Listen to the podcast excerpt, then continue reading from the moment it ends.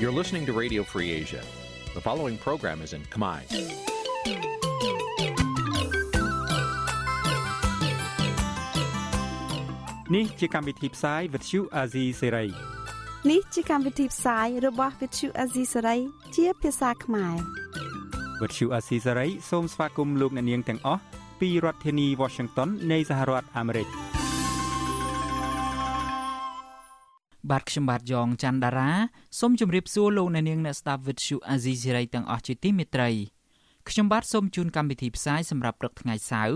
300ខែចែកឆ្នាំខាលចត្វាស័កពុទ្ធសករាជ2566ត្រូវនឹងថ្ងៃទី8ខែមេសា គ្រិស្តសករាជ2023បាទជាដំបូងនេះសូមអញ្ជើញអស់លោកអ្នកនាងស្ដាប់ព័ត៌មានប្រចាំថ្ងៃដែលមានមេត្តាដូចតទៅ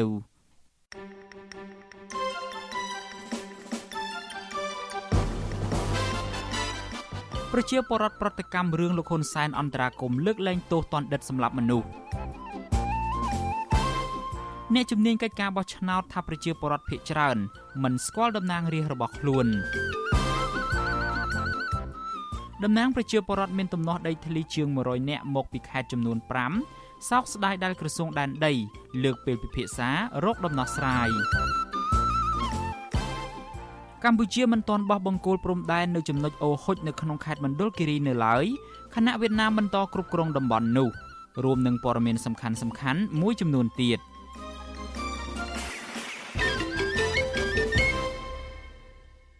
បាទជាបន្តទៅទៀតនេះខ្ញុំបាទយ៉ងច័ន្ទដារាសូមជូនព័ត៌មានទាំងនេះពឺស្ដាក្រុមសាច់ញាតិមន្ត្រីគណៈបកប្រឆាំងដែលជាប់ឃុំដោយសារតែរឿងនយោបាយ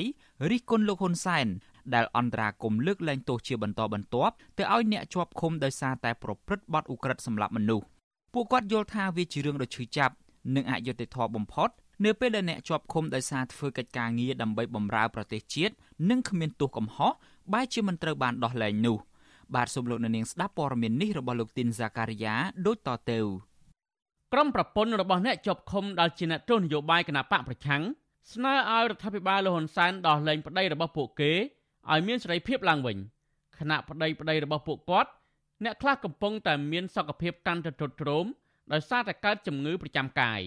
និងប្រឈមនឹងការលំបាកកាន់តែខ្លាំង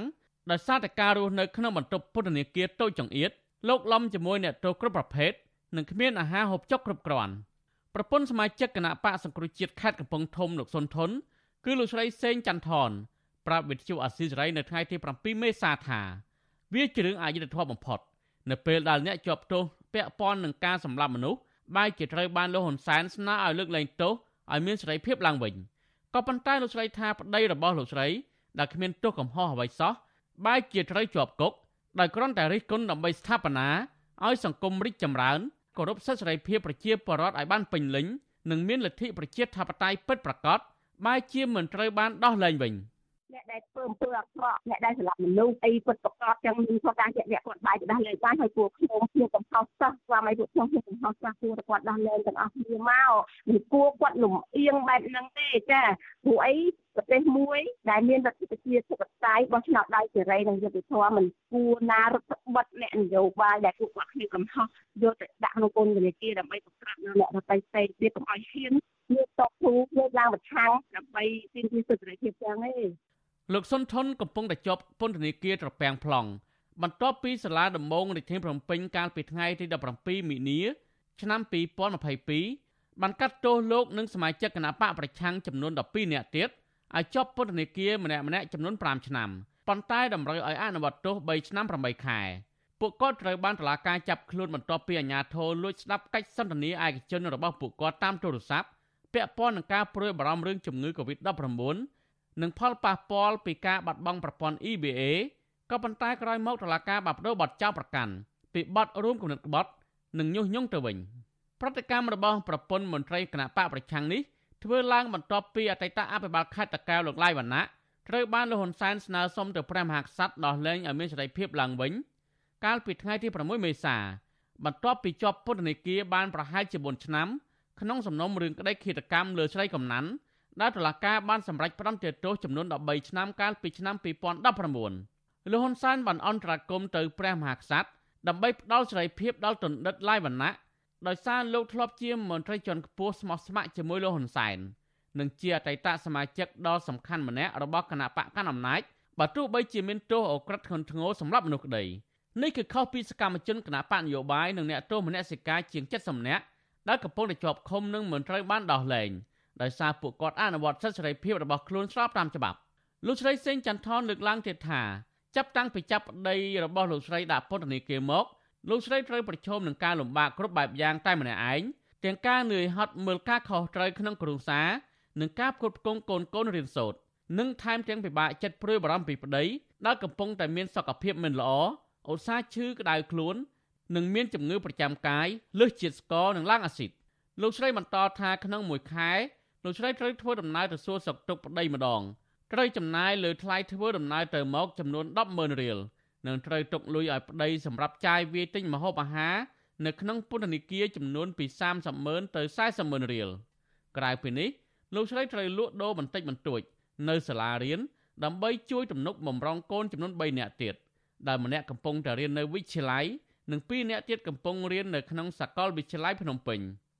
លោកស្រីអះអាងថាកូនប្រុស2នាក់រៀននៅភ្នំពេញឆ្លៀតធ្វើសំណង់រកលុយប្រចាំថ្ងៃក្រៅពីម៉ោងសិក្សាជាមួយគ្នានេះប្រពន្ធមន្ត្រីប៉ាក់ភ្លើងទៀនគឺលោកតូចថងដែលត្រូវបានតុលាការរបបលហ៊ុនសែនកាលពីចុងខែមីនាកាត់ទោសឲ្យជាប់ពន្ធនាគារ2ឆ្នាំពីបទក្លែងបន្លំឯកសារក្នុងការបង្កើតគណៈបកបេដងជាតិគឺលោកស្រីសុវណ្ណាបានលើកឡើងដែរថាប្តីលោកស្រីកំពុងតែប្រឈមនឹងបញ្ហាភ្នែកកាន់តែធ្ងន់ធ្ងរ ដោយសារគ្មានការព្យាបាលនៅក្នុងពន្ធនាគារលោកស្រីថាប្តីលោកស្រីមានភ្នែកម្ខាងត្រូវងងឹតនិងភ្នែកម្ខាងទៀតឡើងបាយហើយបច្ចុប្បន្នគ្រូពេទ្យនៅមន្ទីរពេទ្យអង្គឌួងបានណាត់ឲ្យទៅជួបពិនិត្យដើម្បីព្យាបាលស្ត្រីដែលមានដើមកំណើតមកពីខ្មែរកម្ពុជាក្រោមរូបនេះបន្តថាប្តីលោកស្រីជាមនុស្សល្អនិងស្មោះត្រង់ដែលត្រូវបានគេគោរពស្រឡាញ់គ្រប់គ្រប់គ្នាប៉ុន្តែបែរជាព្រះមហាក្សត្រមិនលើកលែងទោស ឲ្យមកជួបជុំគ្រួសារក្នុងអំឡុងពេលពិធីបុណ្យចូលឆ្នាំថ្មីនេះទៅវិញហើយគាត់ផ្ដាំថាគាត់ពិបាករស់នៅនៅក្នុងនឹងមនុស្សវាច្រើនហើយពេលភ្នែកគាត់នឹងត្រូវផ្សែងបរិយផ្សែងអីអត់កើតទេពូចាយកគាត់ទៅដាក់ជាមួយចោហ្នឹងមួយធុកណាចោប្លន់ហ្នឹងហើយគាត់ទៅយកបាយសោះយកគាត់ទៅដាក់អញ្ចឹងហើយគាត់ពិបាកដេកនៅពូ នេះមិនមែនជាលើកទី1ទេដែលមានដឹកនាំរដ្ឋាភិបាលឯកបកបានលើកលែងទោសឲ្យអ្នកទោសជាប់ពន្ធនាគារពីបទអក្រិតសម្រាប់មនុស្សនោះកាលពីឆ្នាំ2019តុលាការកំពូលបានសម្រេចដោះលែងអង្គញាថោងសរ៉ាត់និងបកពួកចំនួន3នាក់ដែលពាក់ព័ន្ធនឹងសំណុំរឿងបាញ់សម្លាប់អង្គញាអឹងមេងជឺកាលពីឆ្នាំ2014ឲ្យនៅក្រៅឃុំដោយសំអាងថាពួកគេមានបញ្ហាសុខភាពទ្រុឌទ្រោមនិងសំណុំរឿងមានភាពស្មុគស្មាញក្រៅពីនេះទៀត គឺអង្គញាគិតធៀងត្រូវជាបងប្រុសបង្កើតរបស់អង្គញាគិតមេងដែលជាមនុស្សស្និទ្ធបំផុតរបស់លោកហ៊ុនសែនក៏ត្រូវបានដោះលែងក្រោយពីបានជាប់ពន្ធនាគារប្រហែលជា2ឆ្នាំដែលពាក់ព័ន្ធនឹងការជួញដូរគ្រឿងញៀនហើយតុលាការបានប្រន្ទាទោសឲ្យជាប់ឃុំចំនួន4ឆ្នាំនោះជំវិញនឹងបញ្ហានេះវិទ្យុអសិរ័យមិនអាចតតងប្រធានអង្គភិបអ្នកនាំពាក្យរដ្ឋាភិបាលលោកផៃសិផានដើម្បីសំសួរអំពីបញ្ហានេះបន្ថែមបានទេនៅថ្ងៃទី7មេសានេះ ទោះបីជាយ៉ាងនេះក្តីនាយករដ្ឋមន្ត្រីបន្ទុកផ្នែកសិទ្ធិមនុស្សនៃអង្គការលីកាដូលោកអំសំអាតលើកឡើងថាផ្អែកទៅលើច្បាប់ការលើកលែងទោសមាន2ចំណុចគឺអ្នកទោសដែលបានអនុវត្តទោសបាន2ភាគ3និងមានការកែប្រែអប់រំខ្លួនបានល្អអាចវិលទៅរស់នៅជាមួយពលរដ្ឋក្នុងសង្គមឡើងវិញនិងទី2គឺអាស្រ័យលើបុព្វសិទ្ធិប្រមុខរដ្ឋាភិបាលលោកហ៊ុនសែនដែលក្នុងករណីចាំបាច់សម្រាប់បម្រើឲ្យផលប្រយោជន៍ជាតិ គឺលោកអាចស្នើសុំឲ្យមានការលើកលែងទោសឲ្យជនណាឬជនបរទេសណាម្នាក់បានការលើកលែងទោសវាជាការដែលមានចែងក្នុងផ្លូវច្បាប់ចឹងហើយក៏ប៉ុន្តែគាត់ត្រូវត្រេះរិះពិចារណាឆ្លងឆ្លៃឲ្យបានច្បាស់លាស់ផងណាតើតើនឹងបញ្ហាទាំងអស់នោះបាទក៏ប៉ុន្តែលោកបន្តថាទោះជាយ៉ាងណារដ្ឋាភិបាលគួរតែស្នើលែងទោសឲ្យបានស្មើភាពគ្នា ដើម្បីបញ្ជាការរិះគន់ពីក្រុមសាច់ញាតិរបស់អ្នកនយោបាយសកម្មជនសិទ្ធិមនុស្សឬសកម្មជនសង្គមដែលកំពុងតែជាប់ឃុំឃាំងនោះខ្ញុំទីនសាការីយ៉ាស៊ីសេរីប្រធានីវ៉ាស៊ីនតោន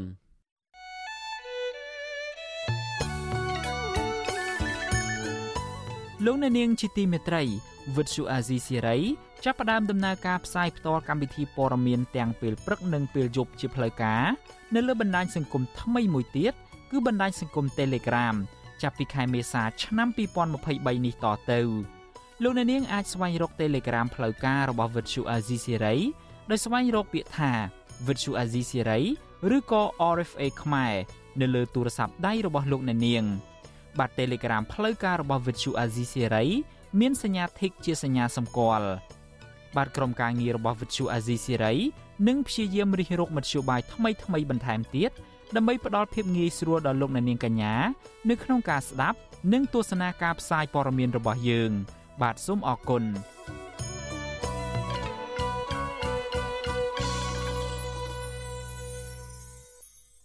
លោកនាងកំពុងស្ដាប់ការផ្សាយរបស់ Vuthu Azizi Siri ពីរដ្ឋធានី Washington នៃសហរដ្ឋអាមេរិកយើងងាកមកកិច្ចការបោះឆ្នោតឯនេះវិញ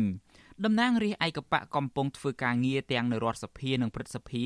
មានចំនួនជិត200នាក់ ដែលរដ្ឋត្រូវចំណាយលើប្រាក់ខែសរុបប្រមាណជាង7សែនដុល្លារជារៀងរាល់ខែទោះបីជាយ៉ាងណាអង្គការសង្គមស៊ីវិលធ្វើការងារតាក់ទងទៅនឹងការបោះឆ្នោតលើកឡើងថាតំណាងរាស្ត្រទាំងនោះមិនបំរើម្ចាស់ឆ្នោតនោះទេ ហើយប្រជាពលរដ្ឋភ័យច្រើនក៏មិនស្គាល់តំណាងរាស្ត្ររបស់ពួកគេនោះដែរបាទអ្នកស្រីម៉ៅសុធានីសូមជូនសេចក្តីរាយការណ៍អំពីរឿងនេះ មន្ត្រីសង្គមស៊ីវិលធ្វើការងារលើកិច្ចការបោះឆ្នោត លើកឡើងថាទាំងអំឡុងពេលនិងក្រោយពេលបោះឆ្នោតហើយប្រជាប្រដ្ឋភាគច្រើនមិនសូវស្គាល់តំណាងរាស្ត្រនោះឡើយអ្នកសម្របសម្រួលផ្នែកអង្គការរបស់អង្គការឃ្លាំមើលការបោះឆ្នោត Confrel លោកកនសាវាង មានប្រសាសន៍ថារបាយការណ៍អង្គការរបស់អង្គការលោកបង្ហាញថានៅអាណត្តិទី6នេះតំណាងរាស្ត្រចុះមូលដ្ឋានច្រើនជាងអាណត្តិមុនមុន ប៉ុន្តែលោកថាចំពោះបរដ្ឋភិកច្រើនគឺនៅតែមិនស្គាល់តំណាងរាស្ត្រឬក៏ទួនាទីតំណាងរាស្ត្រដដែលចំណែកដែលយើងទៅជែកជាមួយប្រជាពលរដ្ឋមួយចំនួនដែលគាត់ធ្វើកិច្ចការងារតាមរយៈកម្មវិធីឬអីផ្សេងផ្សេងហ្នឹងគឺយើងមើលឃើញថា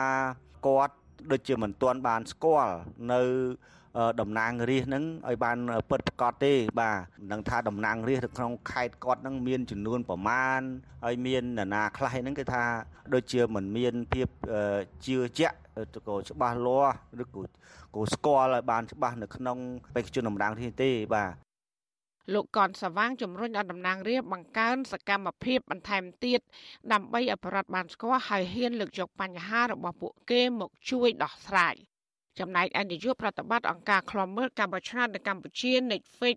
លោកសំគុណធីមីសង្កេតឃើញថាសកម្មភាពរបស់តំណាងរាស្ត្រធ្វើការងារជាប្រចាំជាមួយបរដ្ឋហាក់នៅតែទួចលោកថាជាក់ស្ដែងការិយាល័យរបស់តំណាងរាស្ត្រនៅតាមរាជធានីខេត្តគឺមិនដំណើរការនោះឡើយលោកបន្តថាការបង្កើនការយល់ដឹងឲ្យបរដ្ឋស្គាល់អ្នកតំណាងរាស្ត្រនិងទួនាទីរបស់តំណាងរាស្ត្រ គឺជារឿងសំខាន់ក្នុងកិច្ចសហការគ្នាដោះស្រាយបញ្ហាតំណាងនេះដូចតំណាងឲ្យគាត់ហ្នឹងមកឲ្យម្ចាស់ឆ្នោតអញ្ចឹងតែម្ចាស់ឆ្នោតមានបញ្ហាមានវិបត្តិអីបញ្ហាប្រឈមអីខ្លះគាត់ត្រូវទៅលើករឿងហ្នឹងទៅឲ្យតំណាងរបស់គាត់ដឹងឲ្យគាត់ជួយព្រោះគាត់បោះឆ្នោតជាប់ធ្វើតំណាងរបស់ពីប្រវត្តិតា មាត្រា2នៃច្បាប់ស្តីពីលក្ខន្តិកៈតំណាងរាស្ត្រចែងថាតំណាងរាស្ត្រក្រោយពេលបោះឆ្នោតជ្រើសតាំងនិងស្បត់ចូលកាន់តំណែងហើយ គឺក្លាយជាតំណាងបរដ្ឋទូទាំងប្រទេសមិនមែនតំណាងតែបរដ្ឋនៅមណ្ឌលដែលខ្លួនចូលឈ្មោះនោះទេតំណាងរាស្ត្រមានតួនាទីសំខាន់3គឺធ្វើច្បាប់តាមដានរដ្ឋាភិបាលក្នុងការអនុវត្តច្បាប់ ហើយនឹងជួបប្រជាប្រដ្ឋដើម្បីបានដឹងពីសុខទុក្ខនៅតាមមូលដ្ឋាន។ វត្ថុអសីស្រីមិនអាចតាក់ទងលោកលេងពេញឡុងអ្នកនាំពាក្យរដ្ឋាភិបាលហើយនឹងលោកមុំប៊ុននាង អ្នកនាំពាក្យរដ្ឋាភិបាលដើម្បីសុំការអធិប្បាយបានទេនៅថ្ងៃទី7ខែមេសាក៏ប៉ុន្តែកាលពីថ្ងៃទី29ខែមីនាលោកមុំមនាងប្រាប់វត្ថុអសីស្រីថាតំណាងរាស្ត្រទាំងនៅរដ្ឋាភិបាលនិងប្រតិភិបានបំពេញការងារត្រឹមត្រូវទាំងការបង្កើតច្បាប់ការតាមដានរដ្ឋាភិបាល និងការជួបសួរសុខទុក្ខប្រជាពលរដ្ឋ យើងមើលឲ្យឃើញច្បាស់ហើយជាក់ស្ដែងឯកឧត្តមលោកសំជៀងជាសមាជិករដ្ឋសភាសមាជិកប្រតិភិបានបំពេញភារកិច្ចហ្នឹងគឺថាវាវាវាអឺគ្រប់គឺថាវាគ្រប់បែបគ្រប់យ៉ាងគ្រប់សពដល់ខ្នងផ្ទះប្រជាពលរដ្ឋដើម្បីដឹងសុខទុក្ខប្រជាពលរដ្ឋខ្វះខាត ឬមានជំងឺសង្កាត់ផ្សេងផ្សេងដល់ប៉ះពាល់ដល់សុខភាពរបស់គាត់ហើយជីវភាពរស់នៅរបស់គាត់ទោះជាយ៉ាងណាប្រធានមជ្ឈមណ្ឌលប្រជាប្រដ្ឋដើម្បីអភិវឌ្ឍនិងសន្តិភាព លោកយងកំឯងលើកឡើងថាសាធារណជន ហាក់ភ្លេចថាមានស្ថាប័នសភាពីព្រោះកន្លងទៅបញ្ហាផ្សេងៗដែលប្រដ្ឋជួបប្រទះកម្រឃើញតំណាងរាស្ត្រចេញមុខដោះស្រាយណាស់ ប្រធានសហព័ន្ធសហជីពកម្មករចំណីអាហារនិងសេវាកម្មកម្ពុជា អ្នកស្រីឧទេផលីនថ្លែងថាបញ្ហាដែលកម្មករនយោជិតបានដាក់លិខិតស្នើទៅតំណាងរាស្ត្រឲ្យជួយដោះស្រាយលើការរំលោភបំពាននិងការកេងប្រវ័ញ្ចនានាពីថកែនោះគឺមិនដែលទទួលបានដំណោះស្រាយនោះទេ ពីសហជីពពីកម្មករអីហ្នឹងយើងព្យាយាមនៅក្នុងការស្វែងរកកិច្ចអន្តរាគមន៍ តាមរយៈសមាជិកសភាដើម្បីដោះស្រាយទុកកង្វល់បណ្ដឹងសារទុកអីរបស់កម្មករយុវជកប៉ុន្តែយើងមើលឃើញថា ជាញឹកញយទោះបីយើងមានការដាក់ញត្តិយ៉ាងណាក៏ដោយក៏នៅតែទំហំនៅក្នុងការដោះស្រាយនឹងលទ្ធផលហ្នឹងតិចតួចស្ទើរតែមិនមានតែម្ដងមិនមែនថាតិចតួចបានទេណាតិចតួចស្ទើរតែអត់មានតែម្ដងមិនមែនតំណាងរាជធ្វើការនៅសភាបែងចែកជាពីរថ្នាក់គឺសភាជាន់ទាបរដ្ឋសភា និងសភាជាន់ខ្ពស់ព្រឹទ្ធសភា បច្ចុប្បន្នសមាជិកសភាមាន125រូបនិងសមាជិកប្រតិភិមាន62រូបសមាជិករដ្ឋសភាបោះឆ្នោត5ឆ្នាំម្ដង ចំណែកឯសមាជិកប្រតិភិវិញ គឺបោះឆ្នោត6ឆ្នាំម្ដងតំណាងរាស្ត្រទទួលបានប្រាក់បំណាច់ប្រចាំឆ្នាំ ដែលយកទៅបែងចែកជាប្រាក់ខែទទួលបានជាង4000ដុល្លារក្នុងមួយខែ ក្រៅតែពីប្រាក់បំណាច់នេះតំណាងរាស្ត្រទទួលបានការឧបត្ថម្ភផ្សេងផ្សេងដូចជារថយន្តថ្លៃប្រេងថ្លៃចុះបេសកកម្មឬក៏ថ្លៃផ្ទះស្នាក់នៅជាដើមចាននាងខ្ញុំម៉ៃសុធានីវិទ្យុអសីស្រីប្រធានាធិបតី Washington បាទលោកអ្នកនាងជាទីមេត្រីមិនមែនតែតំណាងរាស្ត្រនៃគណៈបកប្រជាជនកម្ពុជាដែលមិនសូវបម្រើពលរដ្ឋប៉ុណ្ណោះទេក៏ប៉ុន្តែមន្ត្រីរដ្ឋាភិបាលដែលជាស្ថាប័ននីតិប្រតិបត្តិឯនេះវិញក៏ហាក់ដូចជាមិនអើពើដោះស្រាយបញ្ហារបស់ប្រជាពលរដ្ឋនោះដែរតំណាងប្រជាពលរដ្ឋមានទំនាស់ដីធ្លីជាង100នាក់សោកស្ដាយដែលក្រសួងដែនដីពន្យាពេលពិភាក្សាដើម្បីរកដំណោះស្រាយជូនពួកគាត់ មន្ត្រីអង្គការសង្គមស៊ីវិលយល់ឃើញថារដ្ឋាភិបាលគួរតែពន្លឿនការស្វែងរកដំណោះស្រាយទៅដល់ក្រមប្រជាពលរដ្ឋរងគ្រោះឲ្យបានឆាប់ដើម្បីលើកកម្ពស់ជីវភាពរស់នៅរបស់ពួកគាត់ឡើងវិញតំណាងប្រជាពលរដ្ឋរងគ្រោះដីធ្លីលើកឡើងថាការពន្យាពេលមិនព្រមផ្ដល់ដំណោះស្រាយបញ្ហាទំនាស់ដីធ្លីជូនពួកគាត់មិនត្រឹមតែធ្វើឲ្យជីវភាពរបស់ពួកគាត់កាន់តែជួបការលំបាកតែប៉ុណ្ណោះទេក៏ប៉ុន្តែថែមទាំងធ្វើឲ្យរដ្ឋាភិបាលកាន់តែបាត់បង់ការគ្រប់គ្រងពីសំណាក់ប្រជាពលរដ្ឋថែមទៀតផង។ តំណាងប្រជាពលរដ្ឋរងគ្រោះដីធ្លីឃុំកណ្ដោលស្រុកបទុមសាគរខេត្តកោះកុងលោកស្រីហ៊ុនហនប្រាប់វិទ្យុអាស៊ីសេរីថាលោកស្រីហួសចិត្តនៅពេលក្រសួងរៀបចំដែនដីពន្យាពេលពិភាក្សាពីព្រោះតំណាងប្រជាសហគមន៍បានធ្វើដំណើរមកពីខេត្តរហូតដល់ទៅជាង100នាក់ឯណោះលោកស្រីបន្ថែមថាបញ្ហាទំនាស់ដីធ្លីនៅក្នុងសហគមន៍របស់លោកស្រីកើតមានឡើងតាំងពីឆ្នាំ2006ជាមួយនឹងក្រុមហ៊ុនកោះកុងស៊ូហ្គើរបស់អង្គការលីយ៉ុងផាត់ លោកស្រីហ៊ុនហនបញ្ជាក់ថាកន្លងមកបើទោះបីជាប្រជាសហគមន៍ខិតខំស្វែងរកដំណោះស្រាយយ៉ាងណាក្តីក៏រដ្ឋាភិបាលមិនរកដំណោះស្រាយឲ្យប្រជាពលរដ្ឋនោះឡើយដោយអភិបាលខេត្តនិងក្រសួងរៀបចំដែនដីតែងតែរុញដាក់គ្នាទៅវិញទៅមក ខ្ញុំសំណូមពរឲ្យគឺដល់លោកសម្ដេចតេជោហ៊ុនសែនឲ្យជួយដល់សម្ដេចឲ្យពួកខ្ញុំផងព្រោះពួកខ្ញុំពិបាកខ្លាំងណាស់រងថ្ងៃពិបាកតាំងពីការដើរពិបាកតាំងពីការហូបអត់មានលុយមានកាក់ពិបាកគេមកទៅមកម្ដងម្ដងទៅចង់ការគេចឹងទៅចាប់ទាចាប់មន់ពួកចឹងទៅប្រតិកម្មបែបនេះកើតមានឡើងក្រោយពីតំណាងប្រជាពលរដ្ឋរងគ្រោះដីធ្លីជាង100នាក់មកពីខេត្តចំនួន5រួមមានខេត្តកោះកុង ខេត្តកំពង់ស្ពឺ និងខេត្តឧត្តរមានជ័យជាដើមបាននាំគ្នាមកជួបជុំនៅខាងមុខក្រសួងរៀបចំដែនដីដើម្បីជួបពិភាក្សារកដំណោះស្រាយបញ្ហាជាមួយក្រុមហ៊ុន ដែលបានរំលោភយកដីធ្លីរបស់ពួកគាត់ការមកជួបជុំគ្នានេះធ្វើឡើងទៅតាមការសន្យារបស់មន្ត្រីក្រសួងរៀបចំដែនដី កាលពីថ្ងៃទី29ខែមីនាដែលបានកំណត់ឲ្យតំណាងប្រជាសហគមន៍មកជួបប្រជុំពិភាក្សារកដំណោះស្រាយ ជាមួយក្រសួងរៀបចំដែនដី នៅថ្ងៃទី7ខែមេសាទោះជាយ៉ាងណាកិច្ចពិភាក្សារកដំណោះស្រាយជាមួយតំណាងប្រជាសហគមន៍នេះមិនបានធ្វើឡើងទៅតាមការសន្យានោះឡើយដោយអគ្គនាយករដ្ឋបាលស្ដីទីនៃក្រសួងរៀបចំដែនដី លោកកៅភិរុនបែរជាចេញមកប្រាប់ប្រជាពលរដ្ឋថា ខាងក្រសួងមិនទាន់រៀបចំឯកសារទំនាស់ដីធ្លីរបស់ប្រជាសហគមន៍រួចរាល់នៅឡើយទេ ជាមួយគ្នានេះលោកបានផ្ដល់ដំណឹងថា ក្រសួងរៀបចំដែនដីពន្យាពេលប្រជុំពិភាក្សារកដំណោះស្រាយជាមួយតំណាងប្រជាសហគមន៍រងគ្រោះដីធ្លី ទៅថ្ងៃទី12ខែមេសាជំនួសវិញវិទ្យុអាស៊ីសេរីមិនអាចតាក់ទងអគ្គនាយករដ្ឋបាលនិងជាអ្នកនាំពាក្យក្រសួងរៀបចំដែនដីលោកសេងលូតដើម្បីសុំការបកស្រាយបន្ថែមអំពីរឿងនេះបាននៅឡើយទេ នៅថ្ងៃទី7ខែមេសាដោយទូរស័ព្ទចូលតែពុំមានអ្នកទទួលជុំវិញបញ្ហាទំនាស់ដីធ្លីនេះប្រជាពលរដ្ឋជាង400គ្រួសារ នៅស្រុកបទុមសាគរនិងស្រុកស្រែអំបិលខេត្តកោះកុងក៏ធ្លាប់បានទៅប្រមូលផ្ដុំគ្នានៅខាងមុខសាលាខេត្តកោះកុងដើម្បីសុំឲ្យអភិបាលខេត្តគឺអ្នកស្រីមិថុនាភូថងអន្តរាគមរកដំណោះស្រាយជូនទៅដល់ពួកគាត់ផងដែរកាលពីថ្ងៃទី15ខែមីនាក៏ប៉ុន្តែដោយសារតែអាកាសធាតុក្តៅខ្លាំងនិងការដេកកណ្ដាលវាលហាលទឹកសន្សើមផងនោះប្រជាពលរដ្ឋចំនួន4នាក់បានដួលសន្លប់និងប្រជាពលរដ្ឋម្នាក់គឺលោកបុកឆេកបានស្លាប់បាត់បង់ជីវិត នៅពេលបញ្ជូនទៅដល់មន្ទីរពេទ្យបង្អែកខេត្តកោះកុងជុំវិញរឿងនេះដែរអ្នកនាំពាក្យសមាគមការពារសិទ្ធិមនុស្សអាត6លោកសឹងសានករណាយល់ឃើញថាមូលហេតុដែលធ្វើឲ្យទំនាស់ដីធ្លីរបស់ក្រមប្រជាពលរដ្ឋនៅតាមសហគមន៍មិនអាចដោះស្រាយបានគឺបណ្ដាលមកពីរដ្ឋាភិបាលមិនបានផ្ដល់សិទ្ធិគ្រប់គ្រាន់ទៅដល់អាជ្ញាធរនៅតាមមូលដ្ឋាន ដើម្បីដោះស្រាយបញ្ហាទាំងនេះខណៈបញ្ហាទំនាស់ដីធ្លីទាំងនោះភាគច្រើនពាក់ព័ន្ធជាមួយនឹងក្រុមអង្គការ ដែលទទួលបានដីសម្បត្តិពីរដ្ឋាភិបាលលោកបន្តថារដ្ឋាភិបាលគួរតែដោះស្រាយបញ្ហាដីធ្លីទាំងនេះជូនប្រជាពលរដ្ឋឲ្យបានឆាប់ដើម្បីលើកកម្ពស់ជីវភាពរបស់ប្រជាពលរដ្ឋឡើងវិញ។ យើងអត់ទៅរកដំណោះស្រាយទេបែរជាចោតប្រកាន់លៀបពណ៌ទៅលើក្រមពួកគាត់ដែលទៀមទាតវ៉ាដែលជាជនរងគ្រោះទៅវិញអាហ្នឹងគេហៅថាបង្កើតនៅភាពអយុត្តិធម៌ទៅលើភាពអយុត្តិធម៌ហើយអញ្ចឹងករណីបែបនេះมันអាចដោះស្រាយបានទេគឺនៅតែបន្តរ៉ាំរ៉ៃរហូតអញ្ចឹងទៅហើយអ្វីដែលប៉ះពាល់គឺមកលើស្ថាប័នរបស់រដ្ឋាភិបាលហើយនឹងអ្នកដែលដឹកនាំរដ្ឋាភិបាលនឹងហើយដែលជាអ្នករងការរិះគន់ពីសហគមន៍ជាតិអន្តរជាតិ ក្រុមតំណាងប្រជាពលរដ្ឋរងគ្រោះដីធ្លីអះអាងថាពួកគាត់នឹងបន្តការតវ៉ាតទៅទៀតនៅពេលខាងមុខប្រសិនបើក្រសួងរៀបចំដែនដីមិនអាចផ្ដល់ដំណោះស្រាយជូនពួកគាត់នៅថ្ងៃទី12ខែមេសាខាងមុខទេនោះ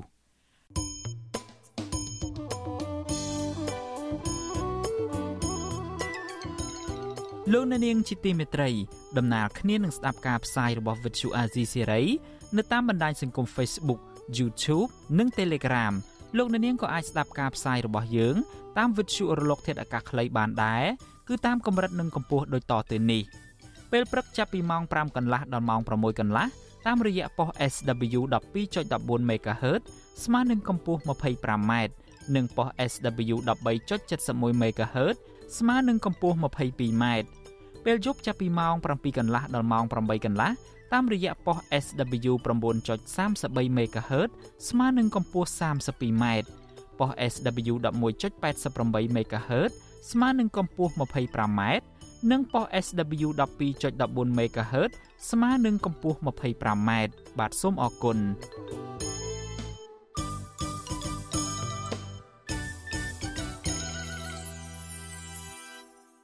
លោកអ្នកនាងកំពុងស្ដាប់ការផ្សាយរបស់ Vuthu Azizi Serai ពីរដ្ឋធានី Washington នៃសហរដ្ឋអាមេរិកអាជ្ញាធរខេត្តមណ្ឌលគិរីអះអាងថាក្រុមហ៊ុន Renaissance Mineral របស់អូស្ត្រាលីចម្រាញ់រ៉ែមាសបានសរុបចំនួន6តោននៅក្នុងរយៈពេលជិត2ឆ្នាំកន្លងទៅនេះរីឯក្រុមហ៊ុនចិនរងឆេងដែលមានរឿងអាស្រូវបង្ហូរកាកសំណល់គីមីចូលទឹកអូធម្មជាតិដែលប៉ះពាល់ដល់អាយុជីវិតរបស់ប្រជាពលរដ្ឋនោះវិញក្រុមហ៊ុននេះទើបតែចម្រាញ់រ៉ែមាសសាកល្បងប៉ុណ្ណោះបាទលោកជាតិចំណានរាយការណ៍ព័ត៌មាននេះជូនលោកអ្នកនាង អភិបាលរងខេត្តមណ្ឌលគិរីលោកសុនសរុនឲ្យដឹងថាខេត្តនេះមានសក្តានុពលរ៉ែជាច្រើនប្រភេទរួមមានរ៉ែមាសបុកស៊ីតរ៉ែសំណនិងរ៉ែធ្យូងថ្មជាច្រើនហើយបច្ចុប្បន្នក្រុមហ៊ុនចំនួន14ឬស្មើនឹង18អាជ្ញាប័ណ្ណដែលទទួលសិទ្ធិវិនិយោគលើវិស័យរ៉ែក្នុងនោះការផលិតរ៉ែលក្ខណៈសិប្បកម្មមានចំនួន11អាជ្ញាប័ណ្ណលោកថាក្រុមហ៊ុន Renaissance Mineral របស់អូស្ត្រាលីបានចាប់ផ្ដើមចម្រាញ់រ៉ែមាស កាលពីខែមិថុនាឆ្នាំ2021រហូតមកដល់ពេលនេះចម្រាញ់មាសបានចំនួន6តោនស្ថិតនៅក្នុងតំបន់អូខ្វាវឃុំចុងផ្លាស់ស្រុកកែវសីមាលោកសុនសារ៉ុនថ្លែងបែបនេះនៅក្នុងសន្និសីទសារព័ត៌មានមួយក្រោមប្រធានបទភាពជោគជ័យរយៈពេល5ឆ្នាំកន្លងមកដែលរៀបចំឡើងដោយអង្គភាពអ្នកណែនាំពាក្យរដ្ឋាភិបាល កាលពីព្រឹកថ្ងៃទី6ខែមេសាប្រធានមន្ត្រីរាយខេត្តមណ្ឌលគិរីលោកទីសុផលបានថ្លែងនៅក្នុងសន្និសីទនោះថាក្រុមហ៊ុន Renaissance Mineral បានចាប់ផ្ដើមសិក្សារ៉ែមាស ចាប់តាំងពីឆ្នាំ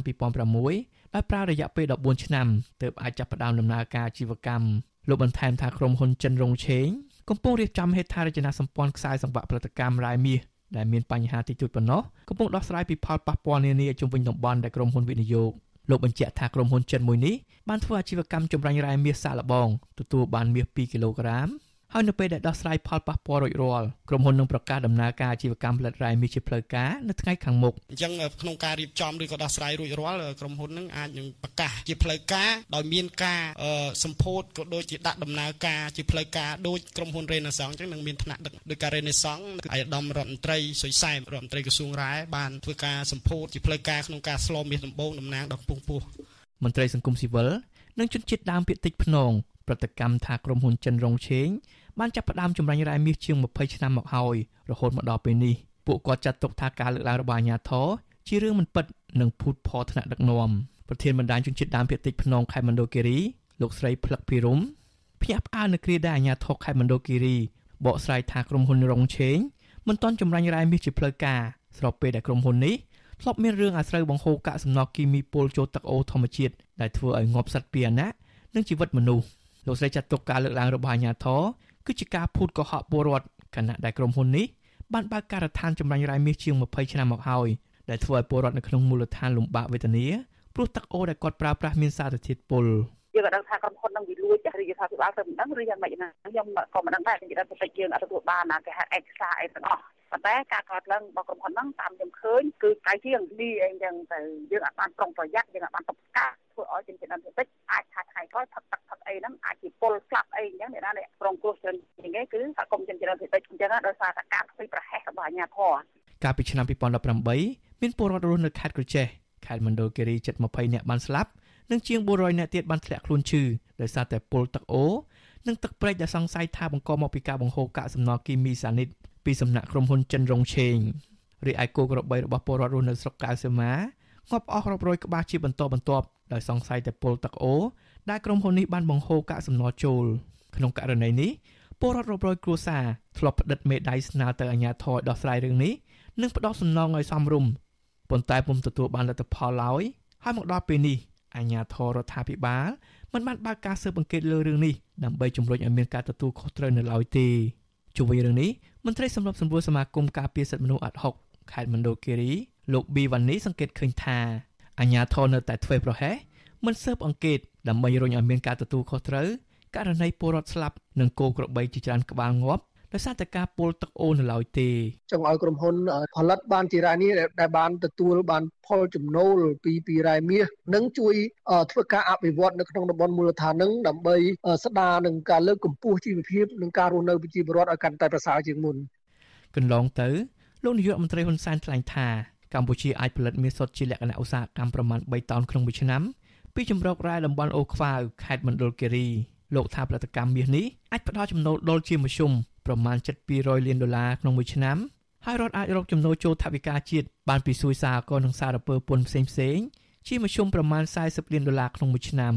ចំណែកមន្ត្រីសង្គមស៊ីវិលស្នើឲ្យរដ្ឋាភិបាលយកចិត្តទុកដាក់ខ្ពស់គ្រប់គ្រងចំណូលពន្ធប្រកបដោយតម្លាភាពសុចរិតភាព និងកណន័យភាពធ្វើយ៉ាងណាប្រុងប្រយ័ត្នខ្ពស់ទប់ស្កាត់មិនឲ្យមានអំពើពុករលួយ និងភាពមិនប្រក្រតីនានា តាក់ទងទៅនឹងការគ្រប់គ្រងចំណូលពន្ធជាតិខ្ញុំបាទជាចំណាន Visual Assisray ប្រធានាទី Washington បាទលោកនាងជាទីមេត្រីនៅឯខេត្តមណ្ឌលគិរីនេះដែរតំបន់អូហុចនៃឃុំដាក់ដាំដែលមានទំហំផ្ទៃដីជាង50គីឡូម៉ែត្រការ៉េដែលជាតំបន់ប្រទាញប្រទង់គ្នាជាមួយភៀកគីវៀតណាមក្នុងការកំណត់ខណ្ឌសីមាព្រំដែនជាច្រើនឆ្នាំមកហើយនោះនៅមិនទាន់មានការបោះបង្គោលព្រំដែនរួចនៅឡើយទេមកទល់នឹងពេលនេះ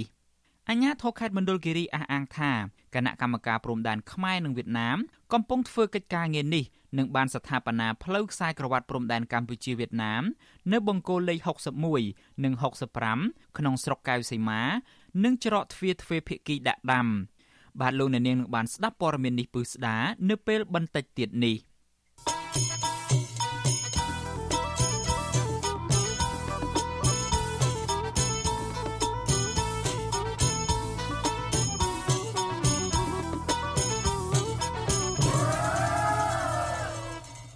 លោកអ្នកនាងកំពុងស្ដាប់ការផ្សាយរបស់ Vuthu Azizi Serai ពីរដ្ឋធានី Washington នៃសហរដ្ឋអាមេរិកយុវជនចលនាមេដាធម្មជាតិកាលពីថ្ងៃទី7ខែមេសាម្សិលមិញនេះបានធ្វើការស្ទង់មតិអំពីបញ្ហាបរិស្ថាន នៅរង្វង់មូលក្តាន2ក្បែរទីស្តីការគណៈរដ្ឋមន្ត្រីយុវជនចលនាមេដាធម្មជាតិកញ្ញាមានលីសាប្រាប់វិទ្យុអាស៊ីសេរីថាគោលបំណងនៃការស្ទង់មតិនេះគឺចង់បានការយល់ឃើញរបស់ប្រជាពលរដ្ឋតាក់ទងអំពីការដាក់កោះកុងក្រៅ ទៅជាឧទ្យានជាតិសមុទ្រកញ្ញាសបាយរីករាយដែលប្រជាពលរដ្ឋទាំងអស់ជាង400នាក់បានចូលរួមការស្ទង់មតិនេះគឺគាំទ្រការដាក់កោះកុងក្រៅទៅជាឧទ្យានជាតិសមុទ្រថែមទាំងផ្ដល់ស្នាមញញឹមនិងលើកទឹកចិត្តដល់ក្រមយុវជនឲ្យបន្តសកម្មភាពដើម្បីការពារធនធានធម្មជាតិបន្តទៅទៀតខ្ញុំសូមលើកសំណួរពីរបន្ថែមនៅក្នុងការវាស់ស្ទង់អេឡិចត្រូនិកយើងសូមបញ្ជាក់សំណួរបន្ថែមពីរទៀតគឺ ធនធានធម្មជាតិមិនមែនសម្រាប់លក់ដូរទេហើយថាតើក្នុងអាណត្តិនៃការដឹកនាំរបស់លោកនាយករដ្ឋមន្ត្រីហ៊ុនសែនតាំងពីប្រមាណទសវត្សរ៍រហូតដល់បច្ចុប្បន្នណាថាតើការបំផ្លាញធនធានធម្មជាតិមានការថយចុះឬក៏ការការពារធនធានធម្មជាតិវាដល់កម្រិតណាបាទកន្លងទៅក្រមយុវជនតែងតែធ្វើយុទ្ធនាការផ្សេងផ្សេងដើម្បីជំរុញឲ្យរដ្ឋាភិបាលដាក់កោះកុងក្រៅទៅជាឧទ្យានជាតិសមុទ្ររួមមានការដាក់ញត្តិទៅក្រសួងបរិស្ថានស្នើឲ្យមានការដកហូតកោះកុងក្រៅមកជាទ្រព្យសម្បត្តិរបស់រដ្ឋវិញ ការតបតែងខ្លួនជាប្រែតមេដាធម្មជាតិទាមទារឲ្យក្រសួងបរិស្ថានដាក់កោះកុងក្រៅជាឧទ្យានជាតិសមុទ្រនិងការជូនផ្កាទៅក្រសួងបរិស្ថានដើម្បីស្នើឲ្យក្រសួងបរិស្ថានដាក់កោះកុងក្រៅជាឧទ្យានជាតិសមុទ្រជាដើម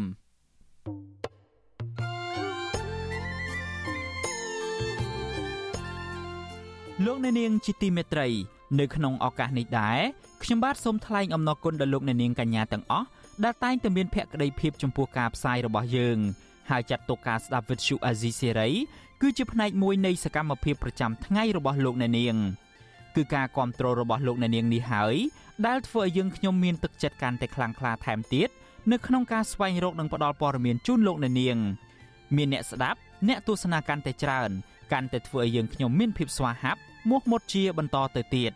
យើងខ្ញុំសូមអរគុណទុកជាមុនហើយសូមអញ្ជើញលោកអ្នកនាងកញ្ញាទាំងអស់ចូលរួមជំរុញឲ្យសកម្មភាពផ្តល់ព័ត៌មានយើងនេះ កាន់តែជោគជ័យបន្ថែមទៀតលោកអ្នកនាងអាចជួយយើងខ្ញុំបានដោយគ្រាន់តែចុចចែករំលែកឬមួយក៏ Share ការផ្សាយរបស់យើងនៅលើបណ្ដាញសង្គម Facebook និង YouTube ទៅកាន់មិត្តភ័ក្តិដើម្បីឲ្យការផ្សាយរបស់យើងបានទៅដល់មនុស្សកាន់តែច្រើន បាទសូមអរគុណ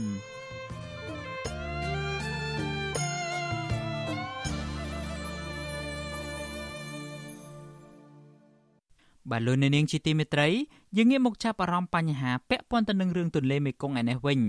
គណៈកម្មការទន្លេមេគង្គប្រកាសពីកិច្ចសហប្រតិបត្តិការនៃបណ្ដាប្រទេសនៅក្នុងតំបន់ដើម្បីការពារទន្លេមេគង្គពីមហន្តរាយនានាសម្រាប់ជាប្រយោជន៍រួមដល់ប្រជាពលរដ្ឋប្រមាណ70លាននាក់មេដឹកនាំរដ្ឋាភិបាលនៃប្រទេសសមាជិកគណៈកម្មការទន្លេមេគង្គហៅកាត់ថា MRC បដិញ្ញាប្រឹងប្រែងរួមគ្នាដោះស្រាយដើម្បីធានាឲ្យអាងទន្លេមេគង្គមានសន្តិសុខទឹក ស្បៀងអាហារនិងធម្មពលប្រកបដោយចីរភាពផ្នែកសេដ្ឋកិច្ចសង្គមគិច្ចនិងបរិស្ថាន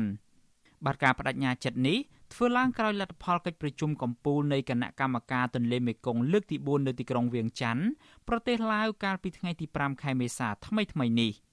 មេដឹកនាំនៃបណ្ដាប្រទេសសមាជិកគណៈកម្មការទន្លេមេគង្គក៏បានអំពាវនាវឲ្យមានការចូលរួមកាន់តែខ្លាំងបន្ថែមទៀតពីវិស័យឧស្សាហកម្មដែលទម្លាប់សម្រាប់ចិត្តជាឯកជន ថាតើពេលណាត្រូវរក្សាទឹកទុក ឬពេលណាត្រូវបញ្ចេញទឹកសម្រាប់ផែនការធនធានទឹកវិញបណ្ដាប្រទេសជាសមាជិកត្រូវផ្ដល់ទិន្នន័យសម្រាប់ប្រតិបត្តិការរបស់ខ្លួន អំពីទំនប់វារីអគ្គិសនី និងហេដ្ឋារចនាសម្ព័ន្ធទឹកផ្សេងផ្សេងទៀតកត្តាទាំងនេះនឹងជួយទៅដល់សហគមន៍រស់នៅតាមដងទន្លេមេគង្គរៀបចំខ្លួនរួចជាស្រេចសម្រាប់ការប្រែប្រួលដ៏ឆាប់រហ័សបែបនេះប្រទេសជាសមាជិកនៃគណៈកម្មការទន្លេមេគង្គហៅកាត់ថា MRC រួមមានកម្ពុជាឡាវថៃ និងប្រទេសវៀតណាមហើយគណៈកម្មការអន្តររដ្ឋាភិបាលនេះត្រូវបានបង្កើតឡើងកាលពីថ្ងៃទី5ខែមេសាឆ្នាំ1995នៅឆ្នាំ1996ប្រទេសចិន និងមីយ៉ាន់ម៉ាឬក៏ភូមាក៏បានក្លាយទៅជាដៃគូសន្តិនិករបស់ MRC ផងដែរ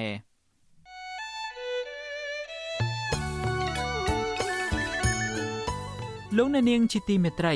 វិទ្យុអាស៊ីសេរីចាប់ផ្ដើមដំណើរការផ្សាយផ្ទាល់កម្មវិធីព័ត៌មានទាំងពេលព្រឹកនិងពេលយប់ជាផ្លូវការនៅលើបណ្ដាញសង្គមថ្មីមួយទៀតគឺបណ្ដាញសង្គម Telegram ចាប់ពីខែមេសាឆ្នាំ2023នេះតទៅលោកអ្នកនាងអាចស្វែងរក Telegram ផ្លូវការរបស់ Vuthu Azizi Serai ដោយស្វែងរកពាក្យថា Vuthu Azizi Serai ឬក៏ RFA ខ្មែរនៅលើទូរស័ព្ទដៃរបស់លោកអ្នកនាង បាទ Telegram ផ្លូវការរបស់ Vuthu Azizi Serai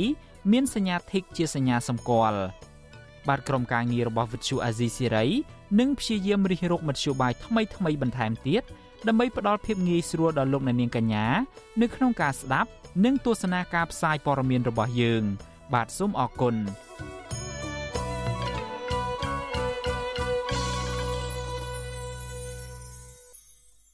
បាទលោកនាងជាទីមេត្រី ពាក់ព័ន្ធទៅនឹងរឿងសន្តិសុខសង្គមឯនេះវិញ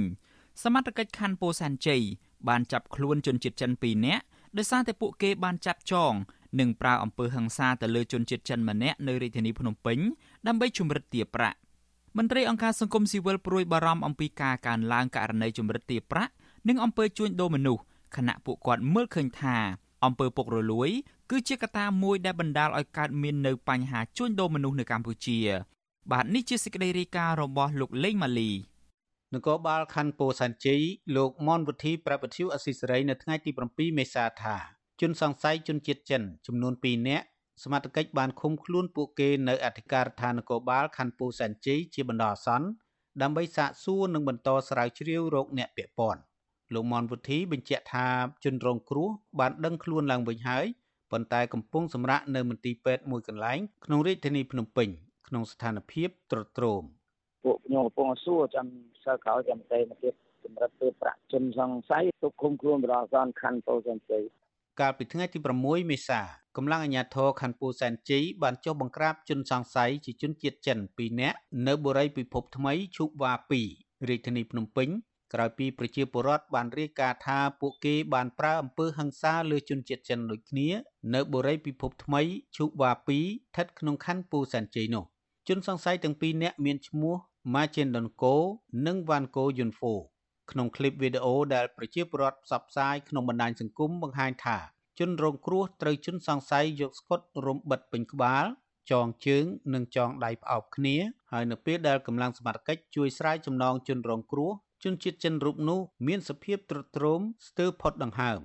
តើតើនៅរឿងនេះដែររដ្ឋមន្ត្រីក្រសួងមហាផ្ទៃលោកសខេងកាលពីចុងខែមីនាបានប្រកាសថា បញ្ហានៃអំពើជួញដូរមនុស្សនៅកម្ពុជានៅតែប្រឈមបើទោះបីជាសមត្ថកិច្ចបានបើកយុទ្ធនាការបង្ក្រាបជនល្មើសនិងជួយសង្គ្រោះជនរងគ្រោះជាបន្តបន្ទាប់ក្តីលោកសខេងបញ្ជាក់ថាកន្លែងដែលក្រុមអក្រិតជនប្រព្រឹត្តអំពើជួញដូរមនុស្សរហូតមានការធ្វើទារុណកម្មជនរងគ្រោះគឺស្ថិតនៅខេត្តព្រះសីហនុប៉ុន្តែលោកថាបច្ចុប្បន្នបញ្ហាជួញដូរមនុស្សនៅខេត្តព្រះសីហនុហាក់ថមថយ លើពីនេះលោកព្រួយបារម្ភថាក្រុមអ ுக ្រិតជនអាចនឹងផ្លាស់ប្តូរទីតាំងទៅកន្លែងផ្សេងដូចជាទៅកាន់ខេត្តស្វាយរៀងឧត្តរមានជ័យបន្ទាយមានជ័យនិងរាជធានីភ្នំពេញជាដើមរបាយការណ៍ក្រសួងមហាផ្ទៃបង្ហាញថាចាប់តាំងពីខែសីហាឆ្នាំ2022មកដល់ខែមីនាឆ្នាំ2023មានបណ្ដឹងជាង800ករណីដែលស្នើឲ្យជួយសង្គ្រោះជនរងគ្រោះនិងបានស្នើទៅអាជ្ញាធរខេត្តចំនួន11 ឲ្យជួយចាត់វិធានការដោះស្រាយនិងរកឃើញមនុស្សពាក់ព័ន្ធ13សញ្ជាតិចំណែកអ្នកពាក់ព័ន្ធនឹងអំពើជួញដូរមនុស្សមានជនជាតិបរទេសជិត900នាក់មកពី12ប្រទេសផ្សេងផ្សេងគ្នាហើយក្នុងនោះមានមនុស្សជិត200នាក់ត្រូវបានអាជ្ញាធរមានសមត្ថកិច្ចរកឃើញថាមានជាប់ពាក់ព័ន្ធនឹងអំពើរត់ពន្ធនិងជួញដូរមនុស្សខណៈមនុស្ស80នាក់ផ្សេងទៀតត្រូវបានបញ្ជូនទៅតុលាការពាក់ព័ន្ធនឹងការប្រព្រឹត្តបទល្មើសជួញដូរមនុស្សជុំវិញរឿងនេះដែរ អគ្គលេខាធិការសហព័ន្ធនិស្សិតបញ្ញវន្តកម្ពុជា លោកគៀនពន្លកព្រួយបារម្ភអំពីបញ្ហាកើនឡើងនៅបទល្មើសចាប់ជំរិតរវាងជនបរទេសនិងជនបរទេសនៅលើទឹកដីខ្មែរលោកមិនរំពឹងថាបញ្ហាអំពើជួញដូរមនុស្សនៅកម្ពុជាមានស្ថានភាពល្អប្រសើរឡើយបើកម្ពុជាគ្មានការជំរុញឲ្យមានការលុបបំបាត់អំពើពុករលួយហើយរដ្ឋាភិបាលគ្មានឆន្ទៈស៊ើបអង្កេតលើមេខ្លោងធំធំដែលកំពុងរស់នៅក្រៅប្រព័ន្ធច្បាប់នោះ។ ប្រសិនបើរដ្ឋាភិបាលមានវិធានការជាក់លាក់មួយទៅលើឈ្មោះនៃការជួញដូរមនុស្សជាពិសេសហ្នឹងឈ្មោះធំធំនៅក្នុងប្រទេសកម្ពុជា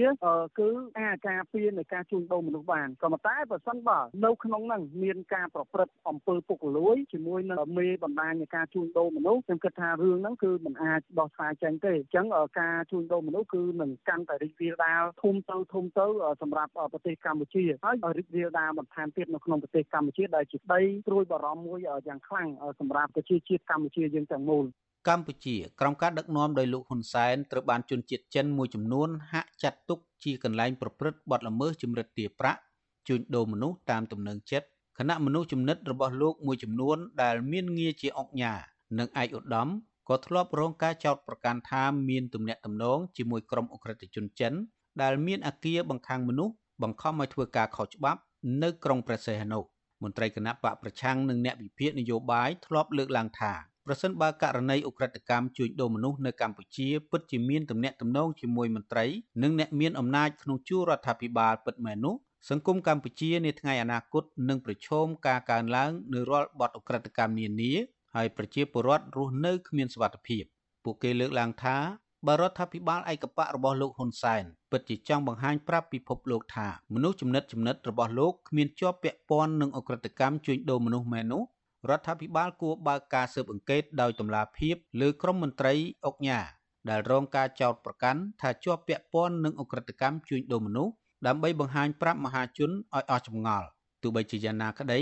ពួកគេមិនរំពឹងថាកម្ពុជាក្រោមការដឹកនាំដោយលោកហ៊ុនសែននឹងបើកការស៊ើបអង្កេតលើក្រុមមនុស្សមានអំណាចទាំងនោះប្រកបដោយយុត្តិធម៌នោះទេត្បិតក្រុមមនុស្សទាំងនោះតែងតែផ្ដល់ប្រយោជន៍ជូនលោកគណៈតុលាការវិញត្រូវបានពលរដ្ឋហៅថាជាតុលាការតេឡេធ្វើការតាមតែការបង្គាប់បញ្ជារបស់លោកហ៊ុនសែនខ្ញុំបាទលេងម៉ាលីវិទ្យុអាស៊ីសេរីពីរដ្ឋធានី Washington thank you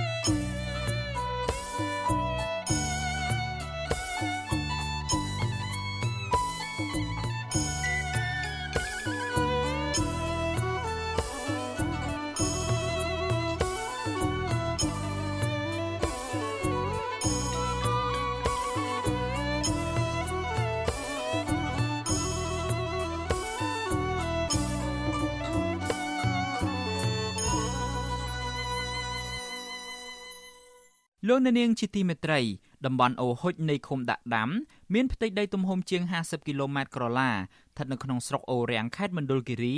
ដែលជាតំបន់ប្រទាញប្រទង់គ្នាជាមួយភៀកគីវៀតណាមក្នុងការកំណត់ខណ្ឌសីមាព្រំដែនជាច្រើនឆ្នាំមកហើយនោះនៅមិនទាន់បោះបង្គោលព្រំដែនរួចនៅឡើយទេមកទល់នឹងពេលនេះ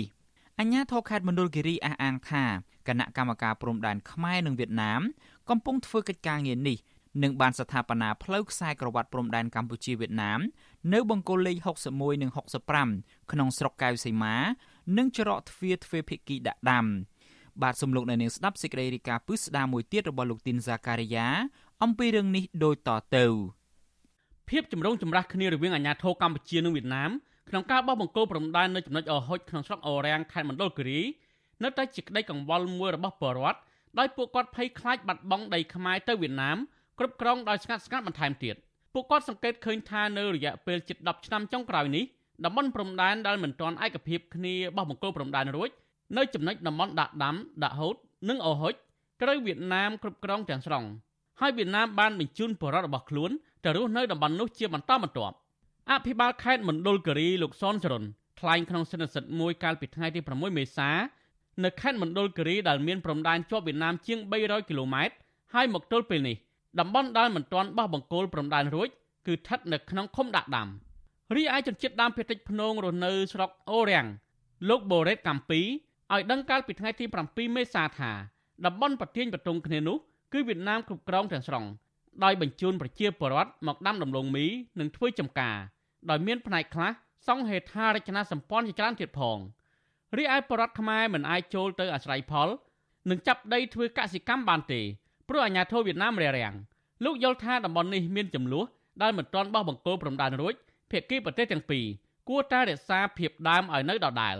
ជាប្រជជនជាដើមទីក៏ធ្លាប់តែក្រផលអនុផលពីឈើពីប្រជានៅក្នុងតំបន់ហ្នឹងដែរអញ្ចឹងដល់ពេលឥឡូវយើងអាចធ្វើបានទេដោយសារថាគេអាចនឹងខាត់ខ្លួនឬក៏ចាប់ខ្លួនប្រជាពលរដ្ឋយើងនៅក្នុងតំបន់ដែរគេខំខំតែបើជាពលរដ្ឋវៀតណាមវិញគាត់ចូលជិញ្ចូលធម្មតាជិញ្ចូលធម្មតាក៏រកស៊ី កន្លងទៅគណៈកម្មការជាតិកិច្ចការព្រំដែនប្រទេសកម្ពុជានិងវៀតណាមបានឯកភាពគ្នាជាគោលការណ៍ថានឹងធ្វើលិខិតរួមគ្នាឲ្យប្រមុខរដ្ឋាភិបាលនៃប្រទេសទាំងពីរចុះហត្ថលេខាស្នើសុំភាគីប្រទេសបារាំងផ្ដល់អ្នកបច្ចេកទេសកំណត់ផែនទីនិងវាស់វែងតំបន់ព្រំដែននៅមានចំនួនជាពិសេសតំបន់ដាក់ដាំអូហុចតាំងពីខែកុម្ភៈឆ្នាំ2016ក៏ប៉ុន្តែរហូតមកដល់បច្ចុប្បន្នតំបន់នោះស្ថិតនៅជាកន្លែងប្រទេសប្រទងគ្នាដដែលស្របពេលដែលភាគីកម្ពុជា ចង់កំណត់ព្រំដែនស្របតាមបង្គោលដែលបន្សល់តាំងពីសម័យអាណានិគមនិយមបារាំងប្រធានរាជបណ្ឌិតសភាកម្ពុជាលោកសុកទូចដែលបានសិក្សាស្រាវជ្រាវពីតំបន់ព្រំដែនធ្លាប់ប្រាប់វិទ្យុអសិរ័យថាចាប់ពីបង្គោលព្រំដែនលេខ55ក្នុងស្រុកអូរាំងរហូតមកទល់បង្គោលព្រំដែនលេខ60មានប្រវែងប្រមាណ27គីឡូម៉ែត្រជាតំបន់មិនទាន់ឯកភាពបោះបង្គោលព្រំដែននៅឡើយលោកថាក្រុមការងាររបស់លោកបានចោះស្រាវជ្រាវតំបន់នោះនិងកំណត់ថាខ្សែបន្ទាត់ខណ្ឌសីមា ស្ថិតនៅចំណុចអហុចលោកសុកទុយថ្លែងបែបនេះគឺដូចគ្នានឹងលោកនាយករដ្ឋមន្ត្រីហ៊ុនសែនដែលធ្លាប់បដិសេធសំណើវៀតណាមដែលសុំចែកដីគ្នាក្នុងតំបន់ដាក់ដាំនិងដាក់ហូតជាមួយកម្ពុជាគឺវៀតណាមទទួលបានដី60%និងកម្ពុជាទទួលបានដី40%ក៏ប៉ុន្តែលោកបានច្រានចោលលោកហ៊ុនសែនអះអាងថាសេចក្តីសម្រេចរបស់អគ្គទេសាភិបាលបារាំងឆ្នាំ1914បានបញ្ជាក់ច្បាស់ថាខ្សែបន្ទាត់ព្រំដែនដើរតាមព្រែកដាក់ហូត តែយ៉ាងណាភាគីវៀតណាមបានសាងសង់ប៉ុស្តិ៍និងធ្វើផ្លូវចូលជ្រៅមកទល់នឹងអូដាក់ដាំក្នុងដីខ្មែរដែលពីមុនព្រំដែនស្ថិតនៅចំណុចអូហុចឬព្រែកដាក់ហូតដែលមានចម្ងាយប្រមាណជាង15ទៅ20គីឡូម៉ែត្រពីអូដាក់ដាំវិទ្យុអាស៊ីសេរីមិនអាចតកតងទេសរដ្ឋមន្ត្រីទទួលបន្ទុកកិច្ចការព្រំដែនលោកវ៉ាកំហុងដើម្បីសំសួរអំពីបញ្ហានេះបន្ថែមបានទេកាលពីថ្ងៃទី7មេសាក៏ប៉ុន្តែលោកវ៉ាកំហុងធ្លាប់ប្រាប់វិទ្យុអាស៊ីសេរីកាលពីសប្តាហ៍មុនថា មកទល់ពេលនេះរដ្ឋាភិបាលមិនទាន់បោះបង្គោលព្រំដែនជាមួយភាគីវៀតណាមឲ្យរួចរាល់នៅឡើយទេពីព្រោះការដោះស្រាយបញ្ហានេះចាំបាច់ត្រូវឯកភាពគ្នាទាំងសងខាងដើម្បីកំណត់ខ្សែបន្ទាត់ព្រំដែនផ្លូវការច្បាស់លាស់ វិធីព្រំដែនយើងរកខ្សែព្រំដែនអាឡៃផ្លូវការឯកភាពគ្នាទាំងសងខាងព្រោះតែបានយើងគណនាដីចេញចូលទៅណាយើងចូលគេគេចូលយើងអានឹងយើងត្រូវសងឲ្យគេថយយើងត្រូវទុកឲ្យយើងទៅអានឹងអញ្ចឹងមិនមែនយើងនិយាយខ្មែរចេញចូលចូលយួនចូលជ្រើយើងចូលតិចអីទេអានឹងកន្លងទៅក្រុមការងារ100រាត្រីដែលបន្តបេសកកម្មពីលោកបណ្ឌិតកែមលីបានផ្សាយរបាយការណ៍ស្រាវជ្រាវមួយរកឃើញថា មានបង្គោលមួយចំនួនរួមមានបង្គោលបោះសម្គាល់គីឡូម៉ែត្រ ដែលបោះដោយវៀតណាមគ្មានការឯកភាពពីកម្ពុជាដាក់លេខសម្គាល់394គីឡូម៉ែត្របន្ថែមពីនេះតំបន់ដាក់ដាំដាក់ហូតមានផ្ទៃដី51គីឡូម៉ែត្រក្រឡាខាងភៀកគីវៀតណាមចង់កំណត់ព្រំដែនត្រឹមអូដាក់ដាំឬដាក់ដាង ជាខ្សែខណ្ឌសីមាព្រំដែនប៉ុន្តែខាងរដ្ឋាភិបាលកម្ពុជាចង់កំណត់ព្រំដែនយកត្រឹមអូហុចដែលវៀតណាមហៅថាដាក់ហូតរហូតដល់អូតាំងម៉ែអូផ្លាយទល់នឹងទន្លេស្រែពកដែលជាព្រំដែនចាស់តាំងពីសម័យអាណានិគមនិយមបារាំង តើតើនៅបញ្ហានេះប្រធានក្រុមរក្សាឃ្លាំមើលកម្ពុជានៅប្រទេសណ័រវេលោកម៉ែនណាតសង្កេតឃើញថាលោកហ៊ុនសែនទាមទារដីខ្មែរពីវៀតណាមនៅតំបន់នោះគឺជារឿងត្រឹមត្រូវក៏ប៉ុន្តែពិបាកទៅរួចណាស់ដរាបណារដ្ឋាភិបាលនៅតែប្រើប្រាស់ផែនទីមិនត្រឹមត្រូវបែបនេះលោកថារដ្ឋាភិបាលឯកបកបានចុះលេខាទទួលស្គាល់ផែនទីថ្មីຂະຫນាត1លើ25000ដែលបោះពុំនៅវៀតណាមកាលពីឆ្នាំ2020 នឹងធ្វើឲ្យកម្ពុជាខាត់បងទឹកដីបន្ថែមទៀតទៅវៀតណាមហ៊ុនសែនគាត់ព្រមគាត់ព្រមព្រៀងទៅលើឯកសារគោលហើយគាត់យកអាសន្ធិសញ្ញាខុសច្បាប់ឆ្នាំ85នឹងយកមកដល់សេចក្ដីបានឡើងវិញហ្នឹងជាមូលហេតុទៅធ្វើឲ្យវៀតណាមគេខ្លាចអីមកចូលមកសាងសង់ជនជាតិវៀតណាមគេអាញាធัวគេគេរឿងខ្សែក្បាតព្រំដែនគេច្បាស់លាស់ជាងយើងមន្ត្រីសង្គមស៊ីវិលបន្ថែមថារដ្ឋាភិបាលគួរពិភាក្សាជាមួយភាគីវៀតណាមបន្ថែមទៀតស្នើឲ្យអ្នកជំនាញបារាំងជួយអន្តរាគមន៍ផ្ដល់បច្ចេកទេស និងច្បាប់លើចំណុចដែលមិនទាន់ឯកភាពគ្នាលោកផ្ដល់អនុសាសន៍ថារដ្ឋាភិបាលត្រូវប្រមូលភស្តុតាងទាំងឡាយរួចប្តឹងទៅតុលាការអន្តរជាតិទីក្រុងឡាអេជាបន្ទាន់ដើម្បីរកយុត្តិធម៌អំពីរឿងនេះវិទ្យុអសិរ័យមិនអាចតកតងសំការបំភ្លឺពីអ្នកនាំពាក្យស្ថានទូតវៀតណាមប្រចាំនៅកម្ពុជាបានឡើយទេរបាយការណ៍របស់ក្រុមការងារ100រាត្រីបន្ថែមថាប្រទេសវៀតណាមបានធ្វើផ្លូវថ្នល់លើចំណុចប្រែកដាក់ដាងពីប៉ុស្តិ៍ប៊ូប្រាំងមកដាក់ដាងដោយបានដីស្រះនិងសង់ប៉ុស្តិ៍យោធាតាមបណ្ដោយព្រំដែន។ រីឯភាគីកម្ពុជាតែងតែតវ៉ាតាមរយៈកំណត់ទូតតាំងពីឆ្នាំ2015ដើម្បីឲ្យវៀតណាមបញ្ឈប់ការសាងសង់សំណង់រឹងនៅតំបន់មិនទាន់បោះបង្គោលព្រំដែនតែវៀតណាមនៅតែមិនស្ដាប់លើសពីនេះភាគីវៀតណាមបានចេញចូលនិងមានសិទ្ធិសម្រេចក្នុងតំបន់ដាក់ដាំដាក់ហូតដោយសេរីផ្ទុយពីកម្ពុជាមិនអនុញ្ញាតឲ្យចេញចូលតំបន់នោះទេចំណែកឯសន្ធិសញ្ញាព្រំដែនឆ្នាំ1985និងឆ្នាំ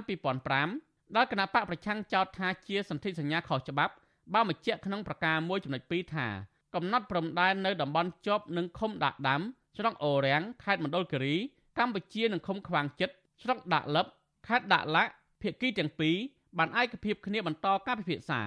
ខេត្តមណ្ឌលគិរីមានព្រំដែនជាប់នឹងខេត្តដាក់ណុងប្រទេសវៀតណាមចាប់ពីបង្គោលព្រំដែនលេខ40ពីព្រំប្រទល់ខេត្តរតនគិរីរហូតដល់បង្គោលព្រំដែនលេខ65ស្រុកស្នួលខេត្តក្រចេះខ្ញុំទីនសាការីយ៉ាអស៊ីសេរីប្រធានីវ៉ាស៊ីនតោន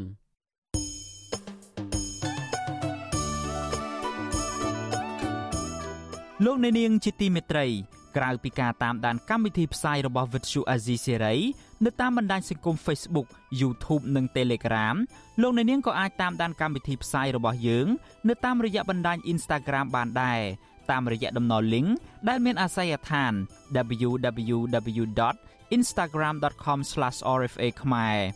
អាស៊ីសេរីបន្តខិតខំផ្សព្វផ្សាយព័ត៌មានពិតទៅកាន់បងប្អូនតាមរយៈបណ្ដាញសង្គមផ្សេងផ្សេងនិងសម្បូរបែបដើម្បីឲ្យលោកអ្នកនាងងាយស្រួលតាមដានកម្មវិធីផ្សាយរបស់អាស៊ីសេរីគ្រប់ពេលវេលា និងគ្រប់ទីកន្លែង តាមរយៈទូរស័ព្ទរបស់លោកអ្នកនាង បាទសូមអរគុណ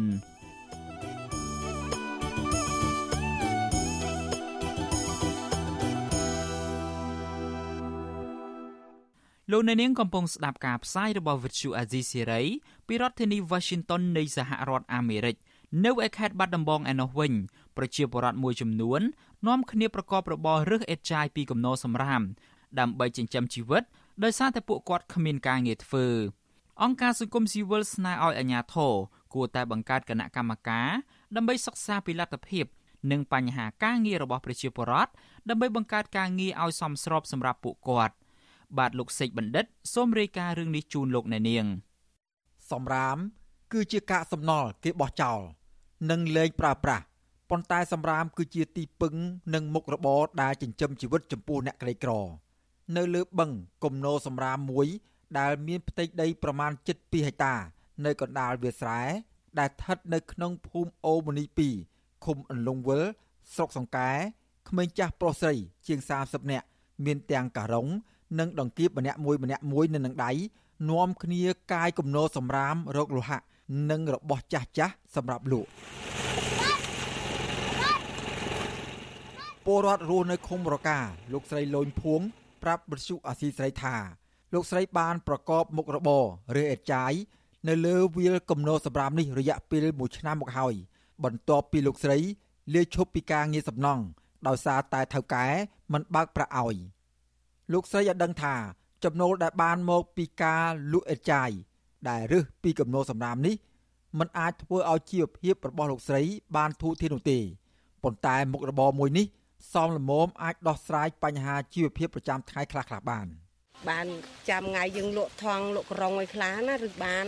កណ្ដាស់អីទៅរថយន្តបែនដឹកសម្រាមរបស់រដ្ឋបាលក្រុងបាត់ដំបងកំពុងថយក្រោយចាក់សម្រាមទៅក្នុងរណ្ដៅដែលជាកម្មសិទ្ធិរបស់ក្រុមហ៊ុនលៀបលឹម ជួលទៅឲ្យរដ្ឋបាលក្រុងបាត់ដំបងអ្នករឹសអេតចាយមានទាំងក្មេងចាស់ប្រុសស្រី កាន់ការ៉ុងនិងដង្កៀបនាំគ្នាមនីមនីដដដើមគ្នាចុះទៅកកាយគំនរសម្រាម ដើម្បីរកលោហៈសម្បកដបសម្បកកំប៉ុង និងជ័រផ្លាស្ទិកដែលគេទទួលទិញសម្រាមដែលប្រមូលបានមកពីក្រុងបាត់ដំបង មានទាំងកាកសំណល់ផ្ទះបាយកាកសំណល់ផ្លែឈើរលួយពីផ្សារដែលមានក្លិនស្អុយនិងខ្លះទៀត ជាប្រភេទផ្លាស្ទិកនិងរបស់របរចាស់ចាស់ដែលប្រជាពលរដ្ឋរស់នៅទីក្រុងបោះចោលទោះបីជាសម្រាមទាំងនោះ មានក្លិនស្អុយនិងមានផ្សែងហុយប្រៀបដូចជាពពកក្តីក៏ក្មេងៗមករើសហេតុចាយជាមួយនឹងឪពុកម្ដាយនិងមនុស្សពេញវ័យជំទង់ខ្លះមិនបានយកក្រណាត់រុំមុខឬពាក់ម៉ាស់នោះទេ ពីព្រោះពួកគេ បានស៊ាំនឹងក្លិនស្អុយនេះទៅហើយក្នុងចំណោមក្មេងៗទាំងនោះ ខ្លះបានបោះបង់ចោលការសិក្សាតាំងពីកម្រិតបឋមនិងមួយចំនួនទៀតនៅបន្តការសិក្សាទោះបីក្រុមគ្រួសារពួកគេ មានជីវភាពខ្វះខាតយ៉ាងណាក្តីមនុស្សចាស់និងក្មេងៗកំពុងរើសសម្រាមក្រោមកម្ដៅថ្ងៃហប់មួយសន្ទុះក្រោយមកក៏មានភ្លៀងមួយមេបង្អុរចុះមកក្រុមក្មេងៗនាំគ្នារត់ទៅជ្រកក្រោមខ្ទមដែលបាំងដោយកាកសំណល់ផ្លាស្ទិកក្នុងស្ថានភាពរងាអោបដៃ ពលរដ្ឋនៅឃុំរកាម្នាក់ទៀតគឺលោកស្រីឌិនចិន្តាឲ្យដឹងថាដោយសាររៀនបានតិចតួចនិងខ្វះជំនាញវិជ្ជាជីវៈនិងពិបាករកការងារធ្វើផងទើបលោកស្រី សម្រេចចិត្តមកប្រកបមុខរបរឬអេតចាយនេះលោកស្រីបន្តថាការងារឬអេតចាយមួយនេះក៏ធ្វើឲ្យលោកស្រី មានបញ្ហាសុខភាពផ្លូវដង្ហើមផងដែរដោយសារតែការចំណាយពេលស្ទើរតែមួយថ្ងៃពេញ នៅលើបឹងផ្លាស្ទិកមួយនេះដែលមានក្លិនស្អុយ និងមានផ្សែងហុយជាប់ជាប្រចាំលោកស្រីប្រាប់ថាមុខរបរមួយនេះมันអាចធ្វើឲ្យលោកស្រីคล้ายជាអ្នកមានបានទេប៉ុន្តែវាអាចចិញ្ចឹមសមាជិកគ្រួសារលោកស្រីចំនួន4នាក់និងអាចឲ្យកូនលោកស្រីអាចបន្តការសិក្សាទៅមុខបានខ្ញុំមុនខ្ញុំធ្វើការសំណងគឺគេ រកដាក់លុយឲ្យពេទ្យកាលទៅធ្វើវាបានដាក់លុយឲ្យចាច់មកគេអីខាងទៅខ្ញុំនេះល្ងងនេះងាយបានមុខរបរខ្សែជាងនេះទេល្ងងខ្ញុំ ជាទូទៅប្រជាពលរដ្ឋប្រកបមុខរបរឬអេតចាយបានក្រោកពីព្រលឹមស្រាងស្រាង ដើម្បីរងចាំរថយន្តដឹកសម្រាមពួកគាត់សន្សំអេតចាយទុកនៅផ្ទះរហូតដល់កន្លះខែទើបលក់ម្ដង ដែលទទួលបានប្រាក់ប្រមាណ20ម៉ឺនរៀលវិទ្យុអស៊ីសេរីនៅពុំទាន់អាចតាក់ទងមេឃុំអន្លង់វិលលោកទូចស្វាង និងអភិបាលសុកសង្កែលោកនាងចន្ទថារា ដើម្បីសុំការបកស្រាយអំពីបញ្ហានេះបានទេ នៅថ្ងៃទី7ខែមេសា ចំណែកឯជំទប់ទី2ឃុំអន្លង់វិលមកពីគណៈបកភ្លើងទៀនលោករតសុធីឲ្យដឹងថាអាញាធរមូលដ្ឋាន មិនទាន់មានគម្រោងឬបង្កើតគណៈកម្មការដើម្បីជួយដល់ពលរដ្ឋដែលប្រកបមុខរបររាជអាចារ្យនៅឡើយទេលោករតសុធីបារម្ភពីសុខភាពពលរដ្ឋជាពិសេសកុមារដែលប្រឈមនឹងការបោះបង់ចោលការសិក្សា ហើយមកទល់នឹងពេលនេះមិនទាន់មានអង្គការណាមួយជួយដល់ពួកគេនៅឡើយទេ អ្នកទទួលខុសត្រូវតាមពិតទៅតាមវិមជ្ឈការឬក៏ក្រុមសាឃុំមេឃុំហ្នឹងគាត់ធ្វើអត់ចេញវាអត់ដូចថាមិនលឺប្រជុំប្រចាំខែមិនលឺនិយាយពីបញ្ហាមេងព្រះវិជាផងនៅខេត្តបាត់ដំបង មានកន្លែងចាក់សម្រាមចំនួន2គឺនៅភូមិស្លាកែតសង្កាត់ស្លាកែតក្រុងបាត់ដំបង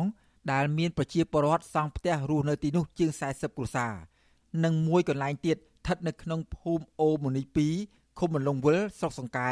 ក៏ប៉ុន្តែมันមានប្រជាពលរដ្ឋសង់ទីលំនៅផ្ទះសម្បែងសម្រាប់ស្នាក់នៅទីនោះទេជុំវិញរឿងនេះមន្ត្រីសមាគមការពារសិទ្ធិមនុស្សអាត6នៅខេត្តបាត់ដំបងលោកយិនមេងលីលើកឡើងថាអាញាធរគួរតែបង្កើតគណៈកម្មការសិក្សាពីលទ្ធភាព និងបញ្ហាការងាររបស់ប្រជាពលរដ្ឋដើម្បីបង្កើតការងារឲ្យសមស្របសម្រាប់ពួកគេ លោកយល់ឃើញថាជីវភាពគ្រួសារ គឺមានទំនាក់ទំនងជាមួយនឹងការសិក្សារបស់កុមារប្រសិនបើប្រជាពលរដ្ឋមានជីវភាពល្អប្រសើរពួកគេនឹងមានលទ្ធភាពបញ្ជូនកូនទៅសាលារៀនបានផងដែរ។ ប្រទេសមួយមានការរីកចម្រើនវាអាស្រ័យទៅលើបញ្ហាធនធានរបស់ពួកគាត់នេះហើយបើសិនជាប្រទេសនោះសម្បូរទៅដោយធនធានប្រទេសនោះអាចមានការអភិវឌ្ឍអាចមានការរីកចម្រើនខ្លាំងអញ្ចឹងបញ្ហាទាំងអស់ហ្នឹងគឺវាមានតំណែងនងគ្នារឿងជីវភាពរបស់ពុកម្ដាយហើយនឹងការបោះបង់របស់កុមារហ្នឹងអញ្ចឹងនេះជាបន្ទុកមួយដែលរដ្ឋាភិបាលគួរគិតគូរពីបញ្ហារឿងរកការងារធ្វើគំនរសម្រាមបានខ្លាចជាទីពឹង និងទីស្នាក់អាស្រ័យរបស់ប្រជាពលរដ្ឋក្រីក្រ និងកុមារជាច្រើនអ្នកដែលមានវាសនាខុសពីកូនចៅរបស់មន្ត្រីជាន់ខ្ពស់រដ្ឋាភិបាល ដែលកើតនៅលើគំនរមាសប្រាក់និងទទួលបានការសិក្សានៅសាលាល្បីៗក្នុងនោះ មានកុមារឬសម្រាមភៀតតិចប៉ុណ្ណោះដែលមានភ័ព្វសំណាងត្រូវបានអង្គការក្រៅរដ្ឋាភិបាល ជួយទំនុកបំរុងក៏ប៉ុន្តែនៅមានកុមារជាច្រើនអ្នកផ្សេងទៀតបានបាត់បង់អនាគតនៅលើគំនរសម្រាម និងប្រើប្រាស់គ្រឿងញៀន។ ប្រជាពលរដ្ឋដែលប្រកបមុខរបរឬអេតចាយស្នើសុំឲ្យអាជ្ញាធរជួយបង្កើតការងារនៅតាមមូលដ្ឋាន ពួកគេក៏សំណូមពរឲ្យអង្គការក្រៅរដ្ឋាភិបាល ជួយដល់កូនកូនរបស់ពួកគេឲ្យមានការសិក្សារៀនសូត្របានបន្តទៀតខ្ញុំបាទសេកបណ្ឌិតវុទ្ធុអាស៊ីសេរីពីរដ្ឋធានីវ៉ាស៊ីនតោន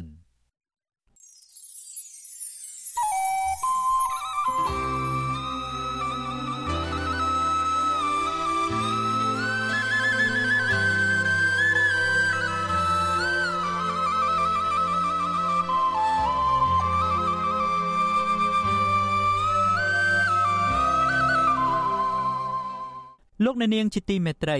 ការផ្សាយរយៈពេល1ម៉ោងរបស់វិទ្យុអាស៊ីសេរីនៅព្រឹកនេះចប់ត្រឹមតែប៉ុណ្ណេះយើងខ្ញុំសូមជូនពរដល់លោកអ្នកនាងព្រមទាំងក្រុមគ្រួសារទាំងអស់ឲ្យជួបប្រកបតែនឹងសេចក្តីសុខចម្រើនរុងរឿងកុំបីឃ្លៀងឃ្លាតឡើយខ្ញុំបាទយ៉ងច័ន្ទដារាព្រមទាំងក្រុមការងារទាំងអស់នៃវិទ្យុអាស៊ីសេរីសូមអរគុណនិងសូមជម្រាបលា